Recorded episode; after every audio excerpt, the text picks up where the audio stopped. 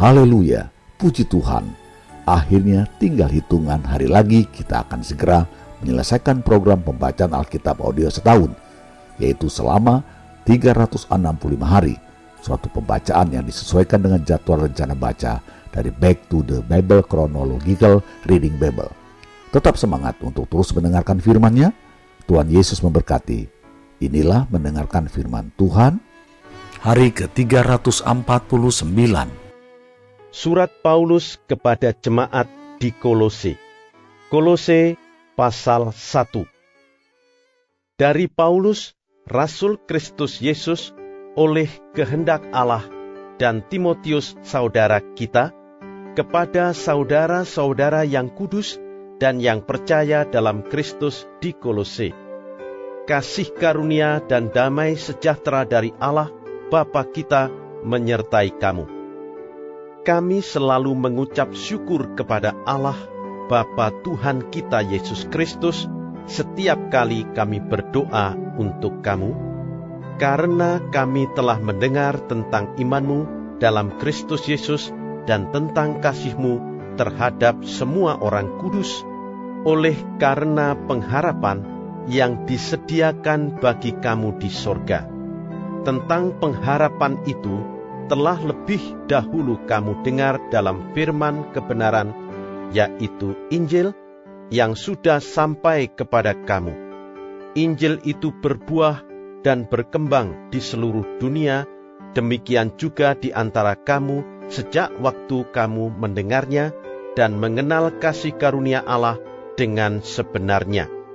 Semuanya itu telah kamu ketahui dari Epafras, kawan pelayan yang kami kasihi, yang bagi kamu adalah pelayan Kristus yang setia. Dialah juga yang telah menyatakan kepada kami kasihmu dalam roh. Sebab itu, sejak waktu kami mendengarnya, kami tiada berhenti-henti berdoa untuk kamu. Kami meminta supaya kamu menerima segala hikmat dan pengertian yang benar untuk mengetahui kehendak Tuhan dengan sempurna, sehingga hidupmu layak di hadapannya, serta berkenan kepadanya dalam segala hal.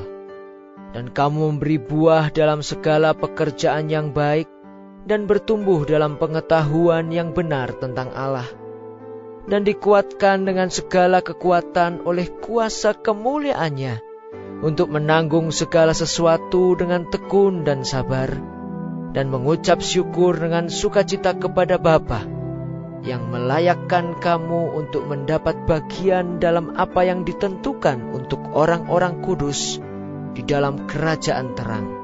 Ia telah melepaskan kita dari kuasa kegelapan dan memindahkan kita ke dalam kerajaan anaknya yang kekasih.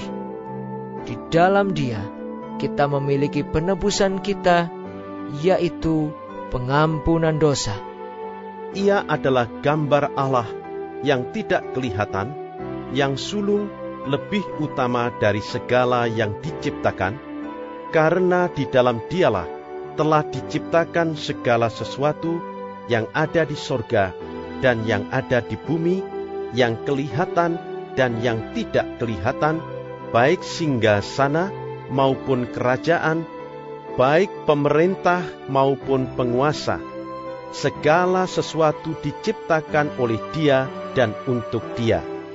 Ia ada terlebih dahulu dari segala sesuatu, dan segala sesuatu ada di dalam Dia. Ialah kepala tubuh, yaitu jemaat.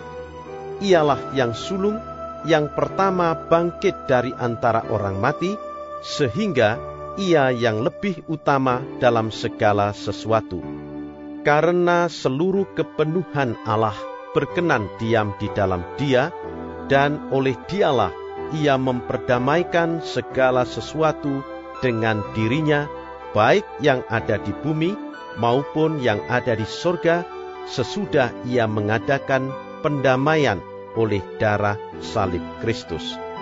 Juga kamu yang dahulu hidup jauh dari Allah dan yang memusuhinya dalam hati dan pikiran seperti yang nyata dari perbuatanmu yang jahat, sekarang diperdamaikannya di dalam tubuh jasmani Kristus oleh kematiannya untuk menempatkan kamu kudus dan tak bercela dan tak bercacat di hadapannya.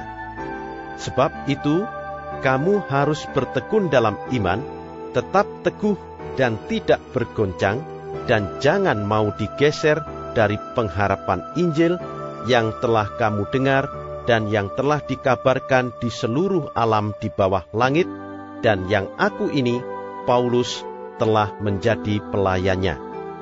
Sekarang aku bersuka cita bahwa aku boleh menderita karena kamu, dan menggenapkan dalam dagingku apa yang kurang pada penderitaan Kristus untuk tubuhnya, yaitu jemaat.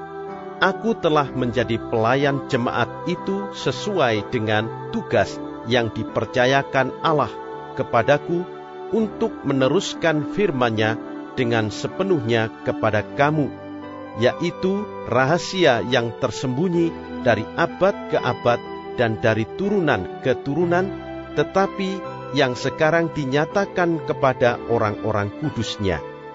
Kepada mereka Allah mau memberitahukan betapa kaya dan mulianya rahasia itu di antara bangsa-bangsa lain, yaitu Kristus ada di tengah-tengah kamu Kristus yang adalah pengharapan akan kemuliaan. Dialah yang kami beritakan. Apabila tiap-tiap orang kami nasihati dan tiap-tiap orang kami ajari dalam segala hikmat untuk memimpin tiap-tiap orang kepada kesempurnaan dalam Kristus.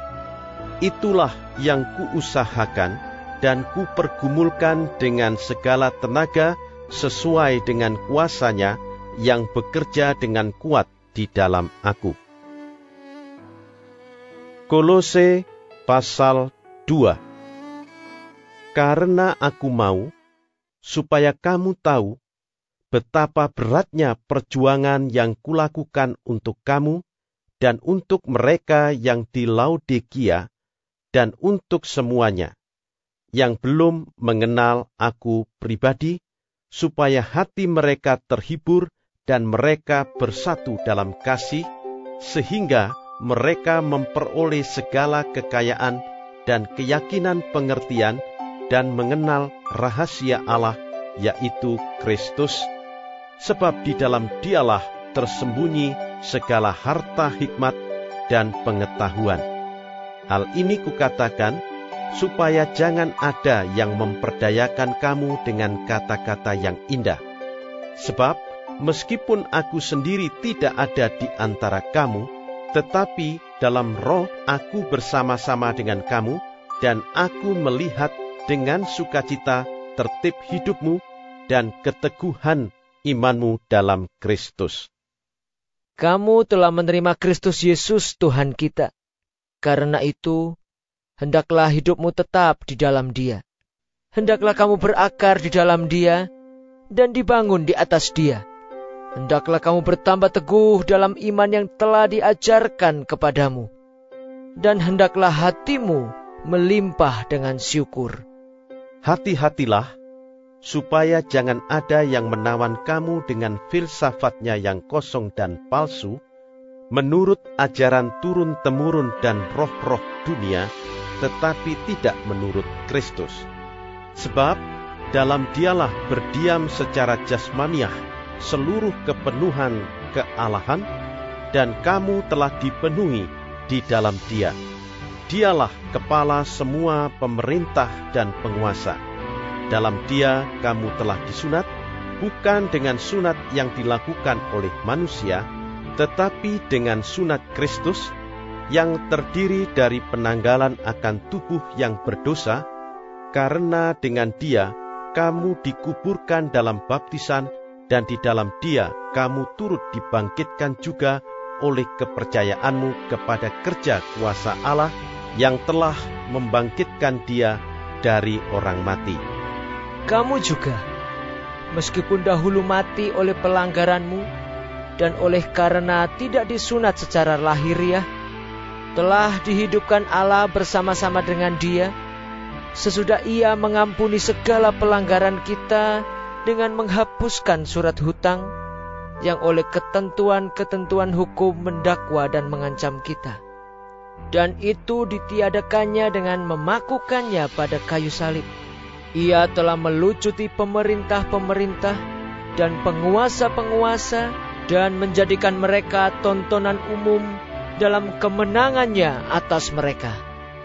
Karena itu, janganlah kamu biarkan orang menghukum kamu mengenai makanan dan minuman atau mengenai hari raya, bulan baru ataupun hari sabat. Semuanya ini hanyalah bayangan dari apa yang harus datang, sedang wujudnya ialah Kristus. Janganlah kamu biarkan kemenanganmu digagalkan oleh orang yang pura-pura merendahkan diri dan beribadah kepada malaikat, serta berkajang pada penglihatan-penglihatan dan tanpa alasan membesar-besarkan diri oleh pikirannya yang duniawi, sedang ia tidak berpegang teguh kepada kepala, dari mana seluruh tubuh yang ditunjang dan diikat menjadi satu oleh urat-urat dan sendi-sendi menerima pertumbuhan ilahinya. Apabila kamu telah mati bersama-sama dengan Kristus dan bebas dari roh-roh dunia, mengapakah kamu menaklukkan dirimu pada rupa-rupa peraturan, seolah-olah kamu masih hidup di dunia? Jangan jamah ini, jangan kecap itu, Jangan sentuh ini. Semuanya itu hanya mengenai barang yang binasa oleh pemakaian dan hanya menurut perintah-perintah dan ajaran-ajaran manusia. Peraturan-peraturan ini, walaupun nampaknya penuh hikmat dengan ibadah buatan sendiri, seperti merendahkan diri, menyiksa diri, tidak ada gunanya selain untuk memuaskan hidup duniawi. Kolose pasal 3 Karena itu, kalau kamu dibangkitkan bersama dengan Kristus, carilah perkara yang di atas, di mana Kristus ada, duduk di sebelah kanan Allah. Pikirkanlah perkara yang di atas, bukan yang di bumi. Sebab kamu telah mati dan hidupmu tersembunyi bersama dengan Kristus di dalam Allah. Apabila Kristus yang adalah hidup kita menyatakan diri kelak, kamu pun akan menyatakan diri bersama dengan Dia dalam kemuliaan. Karena itu, matikanlah dalam dirimu segala sesuatu yang duniawi, yaitu percabulan, kenajisan, hawa nafsu, nafsu jahat, dan juga keserakahan yang sama dengan penyembahan berhala, semuanya itu mendatangkan murka Allah atas orang-orang durhaka. Dahulu kamu juga melakukan hal-hal itu ketika kamu hidup di dalamnya.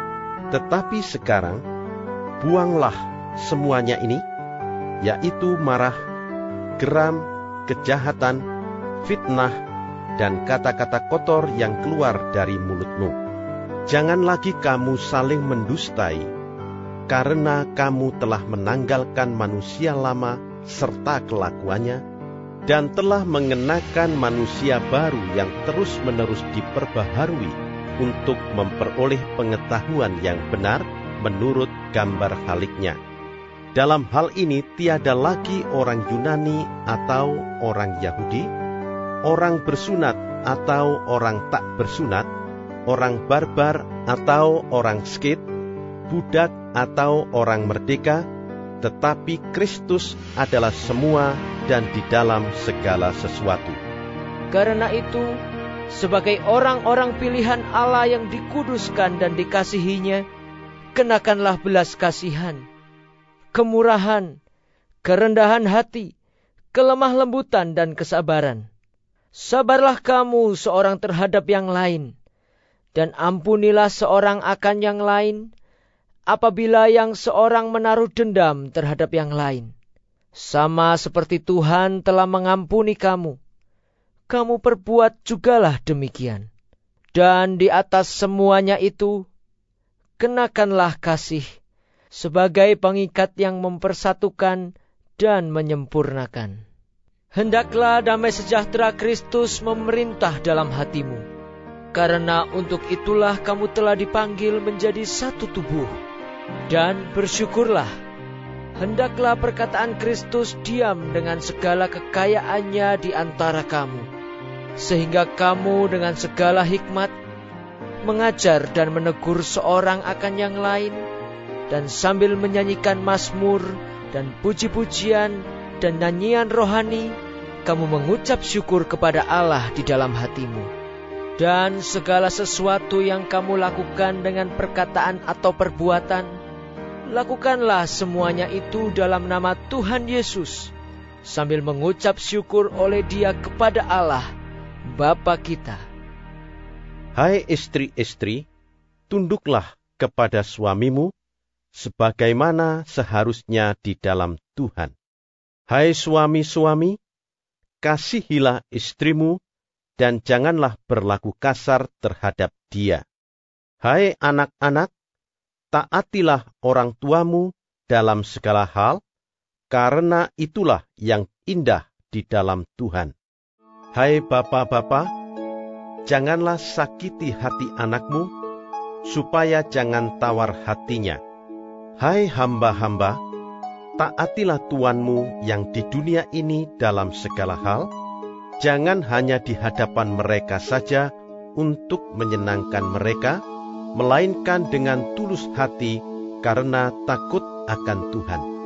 Apa pun juga yang kamu perbuat, perbuatlah dengan segenap hatimu seperti untuk Tuhan dan bukan untuk manusia.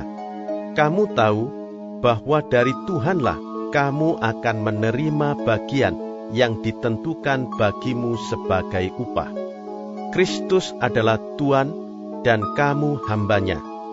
Barang siapa berbuat kesalahan, ia akan menanggung kesalahannya itu karena Tuhan tidak memandang orang.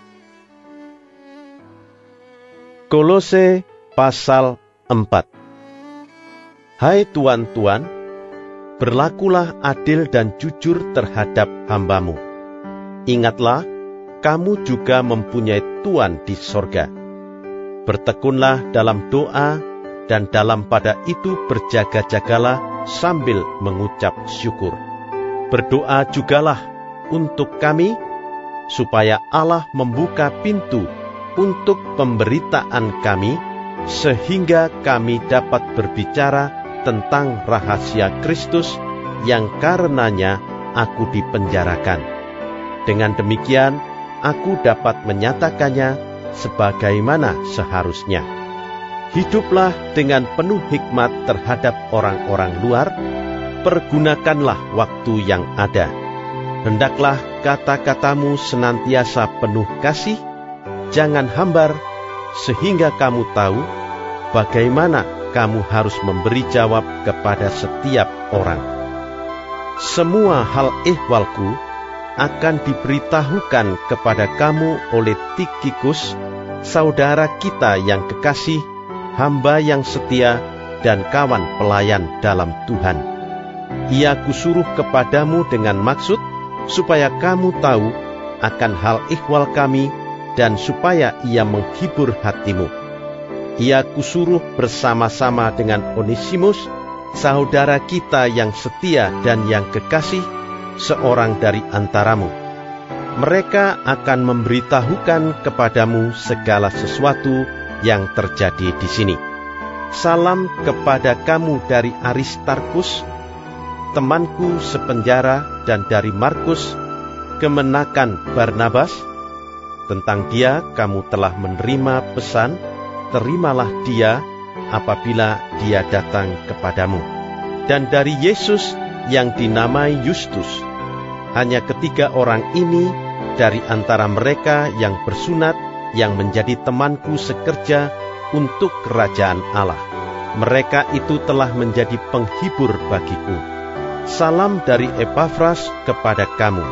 Ia seorang dari antaramu, hamba Kristus Yesus yang selalu bergumul dalam doanya untuk kamu, supaya kamu berdiri teguh sebagai orang-orang yang dewasa dan yang berkeyakinan penuh dengan segala hal yang dikehendaki Allah.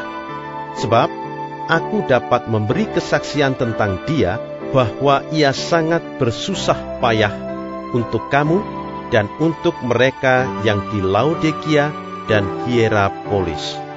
Salam kepadamu dari tabib Lukas yang kekasih dan dari Demas. Sampaikan salam kami kepada saudara-saudara di Laodikia, juga kepada Nimfa dan jemaat yang ada di rumahnya. Dan bila mana surat ini telah dibacakan di antara kamu, usahakanlah supaya dibacakan juga di jemaat Laodikia dan supaya surat yang untuk Laodikia dibacakan juga kepadamu. Dan sampaikanlah kepada Arkipus Perhatikanlah supaya pelayanan yang kau terima dalam Tuhan kau jalankan sepenuhnya. Salam daripadaku, Paulus. Salam ini kutulis dengan tanganku sendiri. Ingatlah akan belengguku. Kasih karunia menyertai kamu. Surat Paulus kepada Filemon. Dari Paulus, seorang hukuman karena Kristus Yesus dan dari Timotius, saudara kita, kepada Filemon yang kekasih, teman sekerja kami, dan kepada Apfia, saudara perempuan kita, dan kepada Arhipus, teman seperjuangan kita, dan kepada jemaat di rumahmu, kasih karunia dan damai sejahtera dari Allah Bapa kita dan dari Tuhan Yesus Kristus, menyertai kamu. Aku mengucap syukur kepada Allahku setiap kali aku mengingat Engkau dalam doaku, karena aku mendengar tentang kasihmu kepada semua orang kudus dan tentang imanmu kepada Tuhan Yesus. Dan aku berdoa agar persekutuanmu di dalam iman turut mengerjakan pengetahuan akan yang baik di antara kita untuk Kristus. Dari kasihmu, sudah kuperoleh kegembiraan besar dan kekuatan, sebab hati orang-orang kudus telah kau hiburkan, saudaraku. Karena itu, sekalipun di dalam Kristus, aku mempunyai kebebasan penuh untuk memerintahkan kepadamu apa yang harus engkau lakukan tetapi mengingat kasihmu itu, lebih baik aku memintanya daripadamu. Aku Paulus yang sudah menjadi tua, lagi pula sekarang dipenjarakan karena Kristus Yesus, mengajukan permintaan kepadamu mengenai anakku yang kudapat selagi aku dalam penjara, yakni Onisimus. Dahulu memang dia tidak berguna bagimu, tetapi sekarang sangat berguna baik bagimu maupun bagiku. Dia kusuruh kembali kepadamu, dia yaitu buah hatiku. Sebenarnya aku mau menahan dia di sini sebagai gantimu untuk melayani aku selama aku dipenjarakan karena Injil, tetapi tanpa persetujuanmu, aku tidak mau berbuat sesuatu supaya yang baik itu jangan engkau lakukan seolah-olah dengan paksa, melainkan dengan sukarela. Sebab mungkin karena itulah dia dipisahkan sejenak daripadamu, supaya engkau dapat menerimanya untuk selama-lamanya, bukan lagi sebagai hamba, melainkan lebih daripada hamba, yaitu sebagai saudara yang kekasih, bagiku sudah demikian apalagi bagimu, baik secara manusia maupun di dalam Tuhan. Kalau engkau menganggap aku temanmu seiman, terimalah dia seperti aku sendiri. Dan kalau dia sudah merugikan engkau ataupun berhutang padamu, tanggungkanlah semuanya itu kepadaku.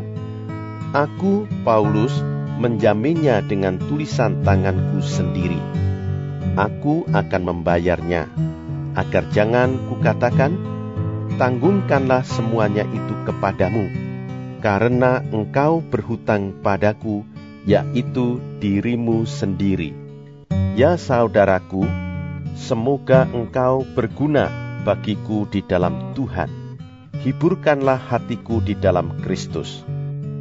Dengan percaya kepada ketaatanmu, kutuliskan ini kepadamu. Aku tahu lebih daripada permintaanku ini akan kau lakukan.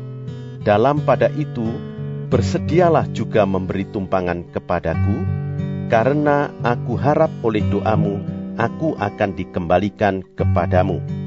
Salam kepadamu dari Epafras, temanku sepenjara karena Kristus Yesus, dan dari Markus, Aristarkus, Demas, dan Lukas, teman-teman sekerjaku. Kasih karunia Tuhan Yesus Kristus menyertai roh kamu. Tetap semangat untuk terus mendengarkan firman-Nya. Tinggal beberapa waktu lagi kita akan segera menyelesaikannya. Sampai jumpa esok hari. Tuhan Yesus memberkati.